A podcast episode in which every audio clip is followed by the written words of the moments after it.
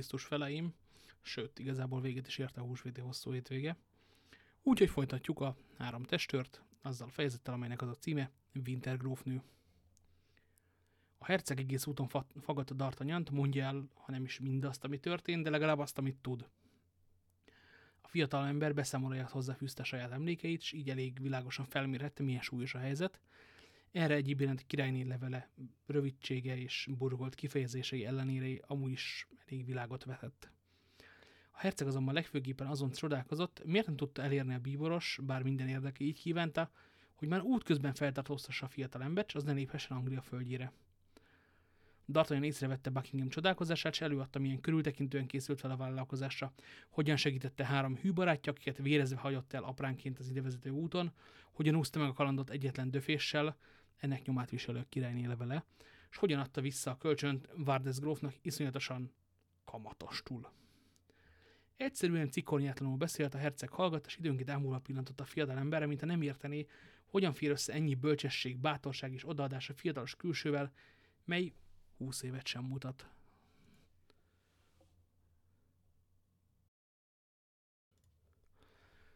A lovak szélsebesen nyargaltak, és percek alatt elérték London kapuit. D'Artagnan azt hitte, ha a városban érek, ér, ha a városba érnek, a herceg mérsékli az iramot, de nem. Lóhalálában vágtatott, és ügyet sem vetett rá, hogy legázolja, aki elébe kerül. Miközben a City-n végigrohantak, történt is két-három efféle baleset, Buckingham azonban vissza sem pillantott, nem érdekelte, mi történik azokkal, akiket feltaszít. Eddig is egy szimpatikus csáva volt, azért most sokat javított még rajta. A herceget és mögötte D'Artagnan nagy kiabálás kísérte, mondhatjuk úgy is, tömérdek, szitok és káromkodás. Amint a palota udvarára berobogtak, Buckingham leszökkent a nyerekből, a kantárt a lova nyakára vetette, és anélkül, anélkül, törődnék vele, mi történik az állattal, a lépcső feljáróhoz rohant. A D'Artagnan is így cselekedett, de ő valamelyest nyugtalankodott a nemes paripák miatt, mert épp az imént tapasztaltak jó tulajdonságaikat, azonban hamarosan láthatta, hogy már is három-négy lovászt nyargal elő a konyhákból, és gondjába veszi az állatokat, ettől egészen megvigasztalódott. A herceg úgy sietett, hogy D'Artagnan alig bírta követni. Sorjában végigmentek néhány szalonon, Franciaország legdúsabb fő, főurai még álmukban sem láttak soha ilyen eleganciát, végül egy hálószobába jutottak. A szoba a gazdagság és az ízlés csodája volt benyírójában tapétajtó, a herceg apró aranykulcsal nyitotta ki, a kulcs ugyancsak aranyláncon függött a nyakában. D'Artagnan tapintatosan hátra maradt, Buckingham azonban, amint belépett az ajtó küszöbén, visszafordult és észrevette a fiatal ember habozását. Jöjjön csak, szólította meg, és ha részesülhetek egyben, hogy a felséges asszony színe, szín elé kerül, mondja el neki, mit látott nálam. Az invitálásra D'Artagnan neki bátorodott, követte a herceget, az pedig becsukta utána az ajtót picinkápolnában voltak. Aranyjal tört, perzsasején feszült minden falán, tömérdek gyertyalángja világította meg. Oltárszerű emelvényen, fehér és vörös tollakkal díszített kék bársony baldahin alatt, Ausztria Janna életnagyságú arcképe állt. D'Artagnan felkiáltott meglepetésében, oly élethű volt a kép, hogy azt hitte, nyomban megszólal. A kép tövében ládika, benne a gyémánt zsinórhegyek. A herceg az oltárhoz lépett, letérdelt, mint, mint a pap Krisztus előtt, és kinyitotta a ládikót. Nézze ide, szólt D'Artagnanhoz.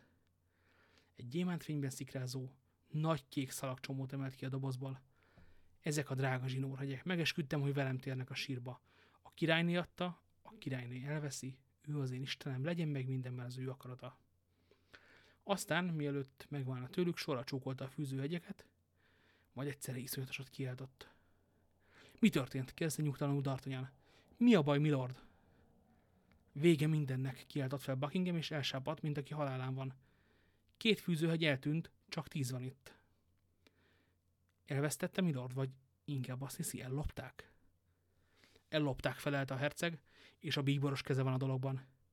Nézzen ide, ollóval nyesték le a zsinórhegyet tartó szalagot. Talán sejti Milord ki volt tettes, talán még most is nála vannak a gyémántok. Várjon, csak várjon, kiáltott fel a helyzet. Csak egyetlen egyszer voltak rajtam a zsinórhegyek két héttel ezelőtt Windsorban, a királybáján. Wintergrófnő, akivel eddig haragban voltam, bálon kibékült velem. Közeledés lehetett bosszú, a féltékeny asszony bosszúja. Azóta sem láttam. Ez a nő a bíboros ügynöke. Hát az egész világon vannak ügynökei, kiáltott fel D'Artagnan. Igen, Igen, szólt Buckingham, és dühében összeszorította a fogát. Félelmetes ellenség ez ember. De mikor lesz az a bál? Jövő hétfőn. Jövő hétfőn, szóval öt nap múlva, van hát bőven idő. Patrice, kiáltotta herceg, és kitárta a kápolna alakítaját. Patrice! Belső inasanyomban megjelent. Az ékszerészemet és a titkáromat. Ezt egyszer én is szeretném majd mondani. Olyan jól hangzik. Az inas már is távozott, néma fürgesége jelezte, hogy vérévé vált a vak, elnevetés nélküli engedelmesség. Jól lehet a herceg először az ékszerész szólította, elsőül mégis a titkár jelentkezett, egyszerűen azért, mert a palotában lakott. A hálószoba egyik asztala mellett ülve találta Buckinghamet, saját kezüleg vetette papír so papírra a néhány soros parancsot. Jackson úr, mondta a herceg, tüstént felkeresi a Lord kancellárt, és megmondja neki, ő felel, hogy a parancsot végrehajtsák. Akarom, hogy nyomban közhírét egyék. Kegyelmes uram, mit válaszoljak a Lord kancellár... Lord, Lord, ha a Lord kancellár azt kérdezné, mi készítetik egy elmedet így rendkívül intézkedésre. Azt, hogy így akarom, és nem tartozom senkinek számadással. Vajon ő felségének is ugyanúgy feleljünk? kérdezte mosolyogva a titkár. Ha netán kíváncsi volna rá, miért nem távozott egyetlen egy hajó sem Nagy-Britannia kikötőiből? Igaza van, uram, felelte Buckingham. Ebben az esetben Lord Kancellár felelje azt, hogy eltökéltem a háborút, és ezzel az intézkedéssel kezdem Franciaország ellen a hadviselést. A titkár meghajolt, és eltávozott. Erre az oldalról tehát biztonságban vagyunk, szólt Buckingham, és megint D'Artagnanhoz fordult. A zsinórhegyek most már csak uraságot után érhetnek Franciaországba, ha csak már el nem indult valaki. Hogy értsem ezt? E pillanattól fogva tilalom alatt helyeztem valamennyi hajót ő kikötőiben. Külön engedély nélkül egy sem meri észlelheti felvonni horgonyát. Darkan tanyan elképett. Ez a férfi a király bizalmából élvezett korlátlan hatalmát szerelmének rendeli alá. Buckingham a fiatalember arcvonásaiból leolvasta mi az eszében, és elmosolyodott. Igen, igen, Ausztria jön az én igazi királyném. Ha egy szóval mondaná, elárultam hazámat, királyomat, Istenemet. Arra kért, ne küldjem el a protestánsoknak Laroselba megígért támogatást, én teljesítettem óhaját. Megszektem ugyan a szavamat, de kívánsága teljesült, és ez a fontos. Ennek a szolgálatnak köszönhetem ezt az arcképet, hát nem fejedelmi bérengedelmességemért. D'Artagnan némán ámoldozott. A közemben nem is sejti, mikor, micsoda semmiségeken múlik olykor egy nép sorsa és százezrek élete. Egészen elmerült a töprengésbe, amikor belépett az ékszerész. Írországi férfi volt, szakmájának páratlan mestere maga sem tagadta, hogy Buckingham herceg jó voltából évi százezer fontot keres. O'Reilly úr, szólt a herceg, és a kápolnába vezette. Nézze csak a zsinórhegyeket, s mondja meg, mit ért darabjuk. Az ékszerész éppen, hogy oda pillantott, megállapította, hogy meccésük igen finom, sorra felbecsülte a gyémántokat, majd habozás nélkül így felelt. 1500 arany darabja, milord. Hány nap alatt tudná elkészíteni két ilyen zsinórhegyet? Amint látja, kettő hiányzik. Egy hét alatt, milord. 3000 aranyat fizetek darabjáért, de holnap utánra készen legyen. Meg lesz, milord. Uraságod igen érdemes férfiú, O'Reilly uram, de ez nem minden. Senki emberfiára nem bízhatja rá két zsinórhegyet, itt kell, hogy elkészüljenek a palotában. Lehetetlen, milord, tulajdonkezemmel kell készítenem, ha azt akarjuk, hogy ne legyen eltérés az újak és a régiek között. Akkor hát, kedves O'Reilly uram, rapságba vetem-e perctől fogva, ha akarna sem jutnak ki ebből a palotából, nyugodjék hát bele. Közölje velem, kire lesz szükséges segédei közül, és mondja meg, milyen szerszámot hozzanak. Az ékszerész ismerte a herceget, tudta, hogy céltalan minden további szó, tehát ehhez tartotta magát. A feleségemnek is üzenhetek? kérdezte. Sőt, beszélt is vele, kedves O'Reilly uram. Rapsága édes, édes lesz, ne féljen, és mivel minden zakatás jóvatételt érdemel, tessék itt egy utalvány ezer aranyról, ez a ráadás a két zsinórhegy díjára, hogy könnyebben elfelejtse a kényelmetlenséget. A nem tudott hová, tenni ámulat, hová lenni ámulatában. Csodálatos ez a miniszter, szinte dobálózik az emberekkel és a milliókkal.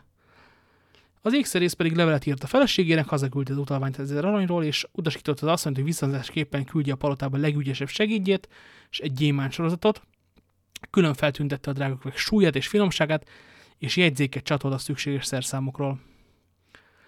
Buckingham bekísérte az ékszerészt a számára kijelölt szobába, a helyiséget fél óra alatt műhelyi alakították. Ezután minden ajtóba őrszemet állított, és megtiltotta, hogy bárki is belépjen, kivétve Patriszt, belső inasát. Hogy Orány légszerész meg a segítje tapotta sem mozdultott a szabából, semmiféle címen, azt külön nem is kell említenünk. Miután ezt a teendőit is elintézte a herceg, visszatért D'Artagnanhoz. Most pedig fiatal barátom szólt hozzá, kettőnk parancsát lesi egész Anglia. Mit volt, mit parancsol? Ágyat, felelte D'Artagnan. E pillanatban erre volna leginkább szükségem, nem is tagadom. Buckingham a sajátja mellett adott szobát D'Artagnannak, azt akarta, hogy mindig kezeügyében legyen a fiatalember, nem mint egy gyanakodott volna rá, azért kellett neki, hogy szüntelenül a királynőről beszélgessen vele. Egy óra múlva közhírítették Londonban a rendeletet, egyetlen hajó, még a postahajó sem letávozta kikötőkből. Ez mindenki úgy fogta fel, hogy a két királyság között megkezdődött az ellenségeskedés. Harmadnapra, délőtt 11-re elkészültek a gyémán zsinórhegyek. Oly pontos utánzat, oly hibátlan másolat mindkettő, hogy Buckingham fel sem ismerte, melyik az új és melyik a régi, de a legfinomabb szemű szakembert is ugyanígy megtévesztette volna a hasonlatosság. Nyomban behívatta D'Artagnant. Tessék, mondta, a gyémán zsinórhegyekért jött, itt vannak. Legyen a tanom, hogy megtettem, amit az emberi erő megtehet. Elmondom uram, amit láttam. Legyen nyugodt, milord, de így kapom meg doboz nélkül az zsinórhegyeket? A doboz csak terhére volna. Egyéb emléke amúgy sem maradt, tehát számomra annál értékesebb. Mondja meg, hogy megtartom magamnak. Szó szerint átadom az üzenetét, milord. Most pedig folytatta Buckingham, és a fiatalember szemébe tekintett. Van-e mód rá, hogy valaha is lerújjam tartozásomat?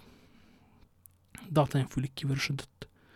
A herceg nyilván azon van, hogy felajánljon neki valamit, a Gascony fiú különös, különösképpen visszajogott arra a gondolata, hogy bajtársainak vérét és a sajátján, sajátját is bárki angol aranyon vegye meg. Értsük meg egymás milord, felelte D'Artagnan.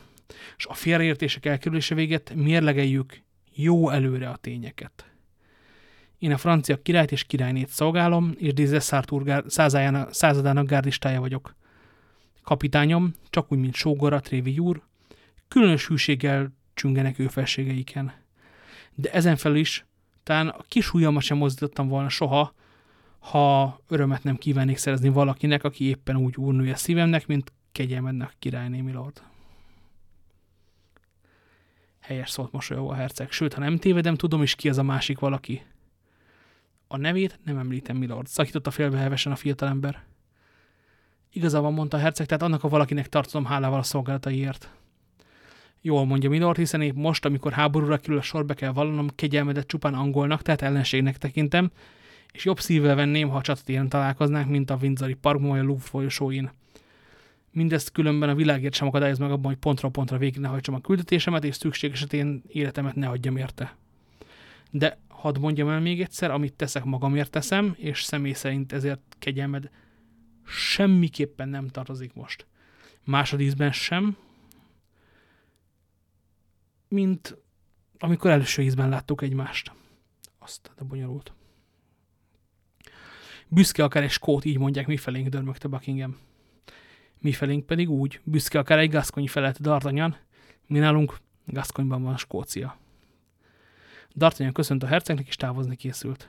No, no, hát ilyen kurden furcsán távozik, hová, hová, hová? Igaz is. Hely, az irgalmat, ezek a szeleburdi franciák. Elfelejtettem, hogy Anglia sziget és Milord a királya.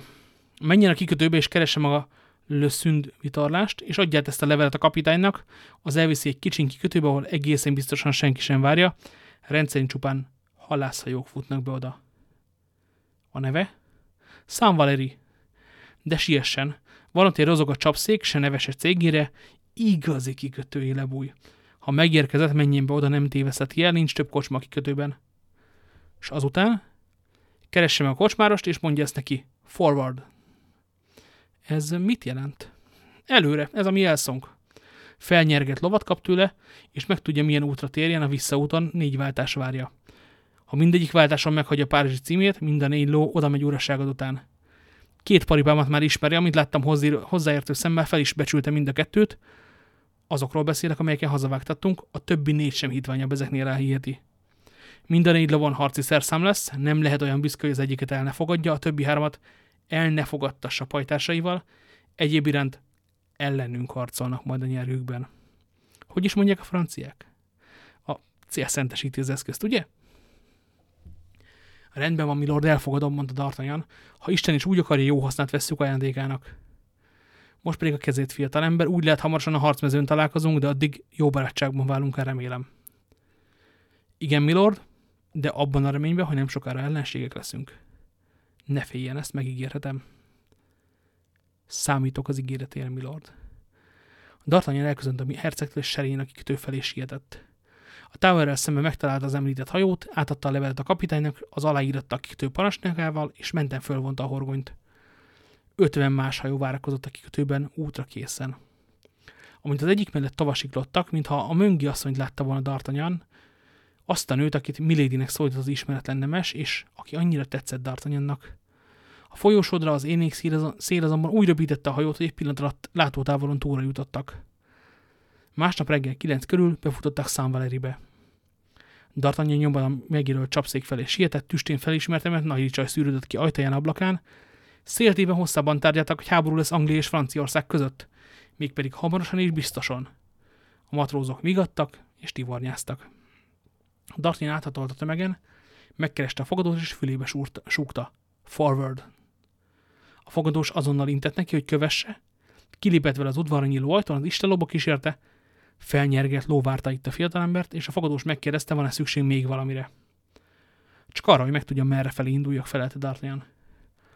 Menjen innen Blaniba, Blaniból pedig Növsatelbe, Növsatelben térjen be az Aranyborona nevű fogadóba, mondja azt a gazdájának, hogy forward, ott is felnyergelt ló várja majd, akár csak itt. Tartozom valamivel? kérdezte D'Artagnan. Megkapta már fizetséget mindenért, szólt a fogadós, mégpedig busásan. Induljon, csak Isten vezérelje. Úgy legyen, válaszolt a fiatalember, és már is elvágtatott. Négy óra múlva Növsetelben volt. Pontosan követte az utasításokat. Növsetelben is nyerges ló várta, akárcsan San Valeriben. Régi nyergéből pedig át akart rakni a pisztolyét az új nyerekbe, de észrevette, hogy a nyerek már vannak pisztolyok. Ö, szabad a Párizsi címét, uram? Gárdisták palotája, Dézeszár kapitány százada. Köszönöm, uram, válaszolt a fogadós. Milyen úton menjek? kérdezte D'Artagnan. Rouen felé, de kerülj el balra a válost. Álljon meg Ékújban, kicsi falu az egyetlen fogadója van a francia címer. Ne tévessze meg a ház külseje. Az istalóban olyan lovat fog találni, amely felér az ittenivel. A jelszó ugyanez? Változatlanul. Isten áldja fogadós uram. Szerencsés úr nagyságodnak is. Egyébre nincs szüksége? D'Artagnan megrezte a fejét, nincs, s már száguldott is lóhalálában. Ékújban ugyanúgy történt, épp oly előzégényen várta a fogadós, mint az eddigiek. Lova épp oly pihent és tüzes volt, itt is meghagyta a címét, mint az előző helyeken, és már vágtott is Pontoá felé, Pontoában váltott lovat utoljára, és 9 órakor, órakor, na még egyszer, és 9 órakor hosszú vágtában befutott Trévi úr palotájának udvarára. Körülbelül 60 mérföldet hagyott magunk mögött 12 óra alatt. Trévi úr úgy fogadta, mintha reggel vártak volna el. Csupán a kezét szorította meg a szokonnál melegebben, majd közölte vele, hogy Dézeszár százada őrsége van a lukban, ő is elfoglalhatja őrhelyét.